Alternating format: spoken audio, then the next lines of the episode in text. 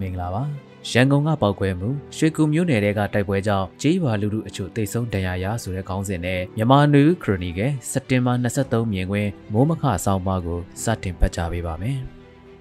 ဒီနေ့စက်တင်ဘာ23ရက်နေ့သတင်းတွေထဲမှာတော့ရန်ကုန်မြို့တမိုင်းလန်းစုံလုံခြုံရေးကင်းကိုအဝေးထိန်းစနစ်နဲ့ဘုံခွဲရမှာဖျက်ဆီးသွားလာတဲ့လူလေးဦးထိခိုက်ဒဏ်ရာရရှိခဲ့တဲ့တဲ့ရွှေကူမြို့နယ်ကမိုးစစ်ရွာမှာတနေ့ကစစ်ကောင်စီပစ်ခတ်တယ်လို့ယူဆရတဲ့လက်နက်ကြီးကြပြီးအသက်17နှစ်အရွယ်ကလေးအပါဝင်ကြေးရွာသားအချို့သေဆုံးခဲ့ရတဲ့တဲ့တွေဖြစ်ပါတယ် ရန်ကုန်မြို့မယန်းကုန်းမြို့နယ်ကတမိုင်းလန်းစုံမှာစစ်တပ်နဲ့ရဲတွေစောင့်နေတဲ့အုပ်နှစ်ထပ်အဆောက်အဦကိုရန်ကုန်မြို့မှာလှုပ်ရှားတဲ့ FLA နဲ့ EGA ဆိုတဲ့မြို့ပြပျောက်ကြားအဖွဲ့နှစ်ဖွဲ့ပူးပေါင်းပြီးဘုံခွဲခဲ့ရမှာလမ်းသွားလမ်းလာလေးဦးထိခိုက်ဒဏ်ရာရရှိခဲ့တယ်လို့သတင်းတွေမှာဖော်ပြထားကြပါတယ်။အင်းစိန်လမ်းမှာနဲ့ ကြိုက်ဝိုင်းဖျားလန်းစုံနဲ့တမိုင်းလန်းစုံနေရာကလူအသွားအလာစီကားတဲ့နေရာဖြစ်ပြီးပောက်ကွဲမှုဖြစ်ပွားချိန်ကလူအသွားအလာရှိတဲ့မွန်လွယ်ပိုင်းလည်းဖြစ်တာကြောင့်ဘုံပောက်ကွဲမှုမှာလမ်းသွားလမ်းလာတွေထိခိုက်ဒဏ်ရာရပြီးစစ်ကောင်စီလုံခြုံရေးကင်းထဲကစစ်သားတွေထိခိုက်မှုရှိမရှိကမသိရပါဘူး။ဒီသမိုင်းလမ်းစုံမှာရှိတဲ့စစ်ကောင်စီကင်းကိုမကြာခဏဘုံခွဲခံရလေရှိပြီး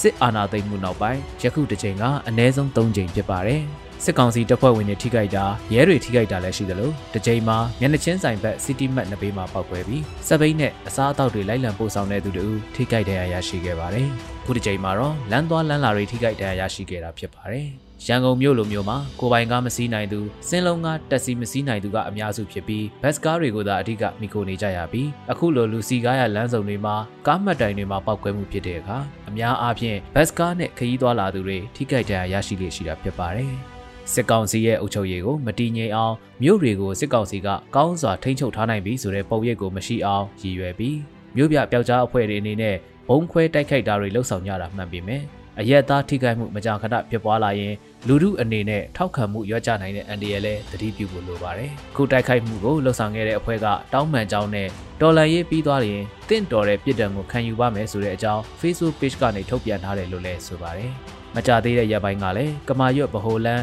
စီမင်ရဲဝင်းအနီးကကားမှတ်တိုင်အနီးပောက်ကွဲမှုမှာဘတ်စကားစီးဖို့စောင့်ဆိုင်နေကြတဲ့လမ်းသွားလမ်းလာချို့ထိခိုက်တရားရရှိခဲ့ကြပါသေးတယ်။ဒီနေ့အခြားသတင်းတစ်ပုဒ်ကတော့ရွှေကူမြို့နယ်ကဘိုးစစ်ရွာကကြေးရွာသူကြေးရွာသားအချို့ကိုစစ်ကောင်စီကပြစ်တယ်လို့ယူဆကြတဲ့လက်နက်ကြီးကြီးကြောက်ပြီးအသက်ဆုံးရှုံးကြရတာပြင်းထန်တဲ့ဒဏ်ရာရရှိခဲ့ကြရတဲ့သတင်းဖြစ်ပါတယ်။ KIA နဲ့ဒေသအလိုက်ဖွဲ့စည်းထားတဲ့ PDF တွေပူးပေါင်းပြီး AR မြစ်ကိုဖျက်လာတဲ့စစ်ကောင်စီတပ်တွေကိုတိုက်ခိုက်ကြရမှာ စစ်ကောင်စီဘက်ကထိခိုက်မှုတွေရှိသလိုပြန်ပြီးပစ်ခတ်တဲ့လက်နက်ကြီးကြီးကကြေးရွာတွေကိုကြားရောက်ရမှာအသက်17နှစ်အရွယ်ကလေးငယ်တဦးနေရာတွင်သေဆုံးခဲ့ပြီးအချို့သတင်းတွေမှာတော့နောက်ထပ်ကြေးရွာသား2ဦးလည်းသေဆုံးခဲ့တယ်လို့ဆိုပါတယ်။စုစုပေါင်း၄ဦးထပ်မံလက်နက်ကြီးကြီးတင်ခဲ့ပြီးခြေဖျားပြတ်တာကြော်ဥကောင်းထိမှန်ခဲ့တယ်လို့လည်းသတင်းတွေမှာဖော်ပြကြပါတယ်။ စကိုင်းတိုင်းထပ်ပိုင်းနဲ့ဆက်ဆက်နေတဲ့ကချင်ပြည်နယ်နဲ့အဆက်ဒေသတွေမှာစစ်ကောင်စီတပ်တွေကို KIA နဲ့ PDF ပူးပေါင်းတိုက်ခိုက်မှုတွေကြဲကြဲပြန့်ပြန့်ဖြစ်ပွားနေပြီးကောလင်ဝမ်တိုကမ်ဘလူကတာအင်ဒို